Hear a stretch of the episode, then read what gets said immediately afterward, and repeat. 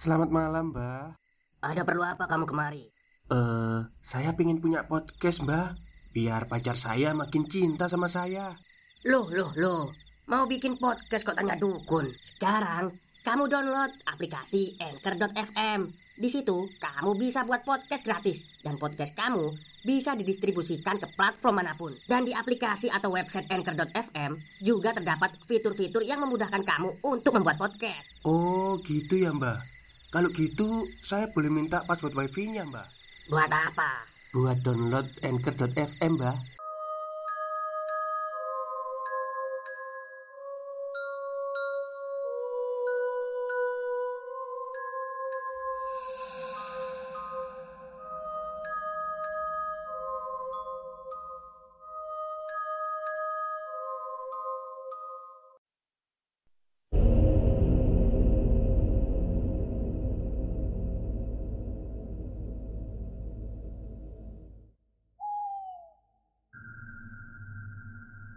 Assalamualaikum warahmatullahi wabarakatuh. Halo semuanya Jumpa lagi dengan saya Chow Sing Sing Kurator dari podcast horror Night Story. Halo apa kabar semuanya? Semoga kalian semua sehat-sehat ya. Dan pada akhirnya saya kembali bisa mengudara Eh, meskipun ya agak-agak ini ya serak dan gatal ya tenggorokan saya ya. Jadi saya akan menceritakan uh, cerita yang pendek-pendek dulu ya untuk sementara. Kisah kali ini saya angkat dari kiriman email dari emailnya Ordon Sirodon at gmail.com yang menceritakan masa lalu rumah yang pernah ditempati oleh keluarga ibunya. Jadi si si Ordon ini bukan korban ya, korbannya itu ibunya. Oke, daripada kita berlama-lama, mari kita simak ceritanya. Hai Kak Chow Sing Sing, aku ada cerita horor buat kakak. Tapi yang ngalamin bukan aku sih. Karena ini pengalamannya ibu dan keluarganya pas sebelum menikah. Cuma kalau aku sendiri ada cerita horor. Tapi belum aku ceritain di sini. Kapan-kapan aja deh. Jadi keluarga aku ini pindah ke rumah ini tahun 1970-an Oh ini ngambil ini ya dari sudut pandang ibunya korban ya 1970-an ya. Rumahnya bagus dan strategis karena di zaman itu dekat dengan pasar, masjid, sekolah, dan kantor kakek aku. Karena dijual murah dan rumahnya strategis, kakek aku nggak pikir ulang buat ngebeli rumah itu. Pokoknya akhirnya keluarga pindah ke sana semua di Jalan Halimun, Surabaya. Awalnya semua baik-baik saja, gak ada yang aneh kok.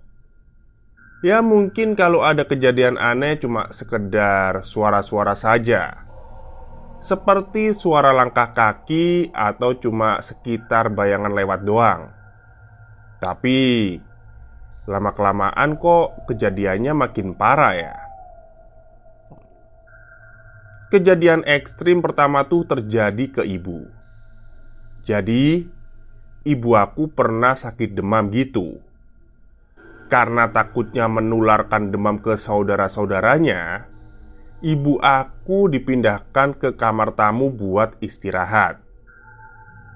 Nah, saat tiduran di kasur, ibu kan bosen lihat-lihat ke langit, langitnya kamar.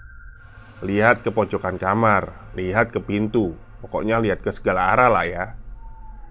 Saat lihat ke pintu itu, horor ini terjadi. Di gagang pintu yang bulat gitu, kan suka ada yang metal, model metalik tuh, yang bisa mantulin bayangan kayak di cermin cembung gitu kan. Oh, ini loh. Kan biasanya pegangan pintu yang kayak di apa kamar mandi itu kan bulat gitu kan diputer itu. Mungkin ada pantulan cahaya gitu ya. Nah di gagang pintu itu menunjukkan bayangan wajah orang lagi ketawa dan melet. Padahal gak ada orang lain di sana kecuali ibu aku. Ibuku kucek-kucek mata dong. Dan bayangan itu ternyata masih ada. Ibuku teriak manggil pembantu buat nutupin tuh gagang pintu Biar nggak kelihatan lagi. Serem banget deh Kalau tahu bayangan itu. Kejadian yang kedua Dialami ibu dan bibi saat bebersih di lantai dua Depan kamar kakek dan nenek. Saat ngelap jendela kamar yang nembus ke dalam kamar Ibu melihat ke dalam kamar ada nenek aku lagi nyisir rambut sambil melotot ke arah ibu dan bibi. Nenek waktu itu pakai daster putih, rambutnya digerai sambil nyisir. Dia melotot ke arah ibu dan bibi. Aneh deh. Dan yang lebih aneh lagi, nenek aku manggil dari lantai satu, ngajak untuk makan siang bareng. Nah, Ternyata nenek aku yang asli itu ada di bawah lagi masak. Dan baru aja dia manggil ibu dan bibi buat makan. Sedangkan tuh impostor masih ada di kamar. Uh, gak ngilang sama sekali. Masih nyisir rambutnya dengan santai sambil melotot. Ibuku bener-bener gak bisa gerak. Kayak kena mantra membatunya Harry Potter kalau nggak salah mantra membatunya Harry Potter itu Stupefy ya. Oke lanjut. Akhirnya mereka mengumpulkan tenaga buat lari sambil teriak.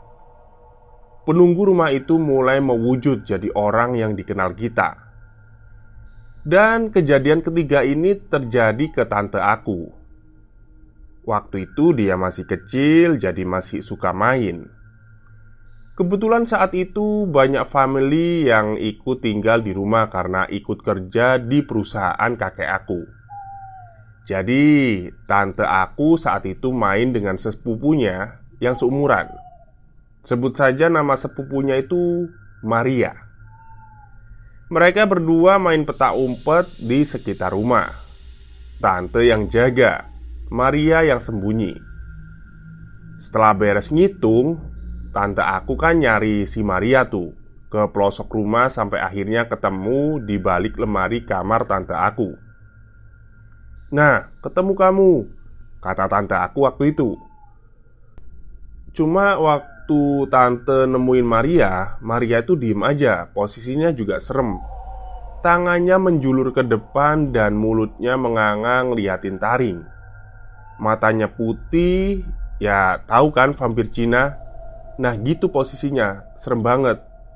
Cuma si tante gak ngerti sih, dia cuma nyeletuk. Jelek kamu Maria, sekarang kamu yang jaga. Ya namanya anak kecil ya. Oke lanjut. Tante aku lari ke tempat petak umpet awal buat nyentuh tempat jaga.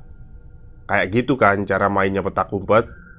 Nah, pas tante aku ngelewatin halaman Eh, dia malah ketemu Maria yang baru masuk ke rumah dari luar rumah. Loh, Maria, kok cepet banget ada di sini? Hah? Gimana? Loh, kan kita tadi main petak umpet. Desi, aku dari luar beli jajan tadi. Emang kamu main sama siapa? Gak ada yang tahu. Jadi, siapa yang menyerupai Maria tadi? Tahun 1977, buyut aku meninggal di rumah Halimun dan sudah tua banget lah waktu itu ya. Sudah sering sakit-sakitan dan setelah dikuburkan, besoknya ada telapak kaki penuh lumpur yang muncul di tembok sampai langit-langit rumah. Siapa yang melakukannya? Seluruh rumah diperiksa. Kaki siapa yang melakukan itu? Tapi tidak ada yang cocok. telapak kaki itu terlalu besar untuk anggota keluarga kita yang masih hidup. Sedangkan jika dipikirkan, telapak kaki terbesar dimiliki buyut aku. Lagi pula, itu jejak kaki berlumpur kayak jalan di tembok dan langit-langit. Manusia normal mana mungkin bisa seperti itu? Memangnya Spiderman? Jadi Iya ya. Mungkin saja bangkit dari kubur atau gimana kan kita nggak tahu. Soalnya kan ada lumpurnya kakinya. Oke lanjut. Malam setelah kejadian itu Ibu aku mimpi buyut aku datang dengan baju penuh cahaya Dan menggunakan tongkat Beliau tersenyum Ada usaha untuk rukyah rumah kecil-kecilan dengan seringnya membacakan surat Yasin. Namun, saat pembantuku membaca surat Yasin, ada suara di sebelahnya yang membaca Yasin juga. Jadi bersaut-sautan. Nah, saat itu kami percaya penunggu rumah kami ternyata jin muslim atau mungkin saja dia. Tapi jahil banget deh. Gangguan makin parah. Ada tantenya ibu aku yang dilecehkan secara goib. Jadi, setiap tante ibu selesai mandi dan pakai baju, mau pakai baju, gorden kamarnya selalu terbuka sendiri. Bajunya selalu dibuka sendiri, seperti ada tangan yang maksa buat buka bajunya tante. Pernah kejadian di depan mata semua keluarga. Tante ibu menggunakan baju kemeja berkancing. Tiba-tiba saja, semua kancingnya dibuka dengan paksa, seperti ada tangan yang maksa. Kasihan deh. Ibu dan adik-adik sampai berusaha menutupi baju tante itu. Wah, cabul nih setan. Setiap naik ke lantai dua, Selalu terlihat ada orang yang mengintip dari ventilasi atas pintu. Bukan cuma salah lihat, tapi memang beneran ada wajahnya ngintip gitu. Namun hilang saat didekati. Akhirnya keluarga ibuku panik dong dan ketakutan. Tapi kakek nenek nggak percaya sama sekali. Walaupun pada akhirnya keluarga pindah rumah juga bukan karena ketakutan seperti di film Conjuring atau Amityville, tapi karena kakek bangun rumah baru yang jauh lebih besar aja. Rumah Halimun susah banget dijual. Tiap ada yang mau beli pasti mendadak batal. Sampai 10 tahun gak terjual. Hingga pada akhirnya ada yang beli tuh rumah Walaupun pembeli yang baru ini hanya bertahan tiga bulan dan dijual lagi ke orang lain. Namun terpaksa keluar karena pembeli yang baru ini ditangkap karena ketahuan memperkosa pembantunya. Saat ditanyakan ke orang yang bisa lihat Ternyata rumah ini serem Karena pernah ada bunuh diri di sini sebelum keluargaku pindah ke sana. Tepatnya di kamar mandi lantai satu. Kamar mandi favorit ibu aku. Kalau mau cek aja Google Map di... Ini nggak bisa disebutkan ya. Takutnya pemilik barunya terganggu Aku cuma mau bilang aja rumah Halimun Surabaya tanpa menyebutkan nomor rumah tepatnya Aku juga penasaran apakah pemilik yang baru juga merasakan hal yang sama dengan keluargaku puluhan tahun yang lalu. Terima kasih ya kalau cerita ini sudah diangkat di, dan dijadikan video. Oke, jadi kalau kalian mau tahu, cek aja di Google Map Jal Rumah Jalan Halimun Surabaya. Di sini ada sih nomornya, cuman kan nggak bisa disebutin ya. Jadi cuma saya yang tahu Ya dilihat-lihatlah kira-kira rumah yang mana yang ada hantunya itu Stop stop Kita break sebentar Jadi gimana? Kalian pengen punya podcast seperti saya? Jangan pakai dukun, pakai Anchor. Download sekarang juga. Gratis. Oke, mungkin itu saja cerita singkat untuk siang hari ini. Eh, sekedar buat tes tenggorokan ya, ini ya. Agak lumayan lah. Baik, mungkin itu saja cerita minggu siang ini untuk kalian semua. Selamat berakhir pekan, selamat liburan. Karena besok sudah bekerja lagi. Oke. Selamat siang dan selamat beristirahat.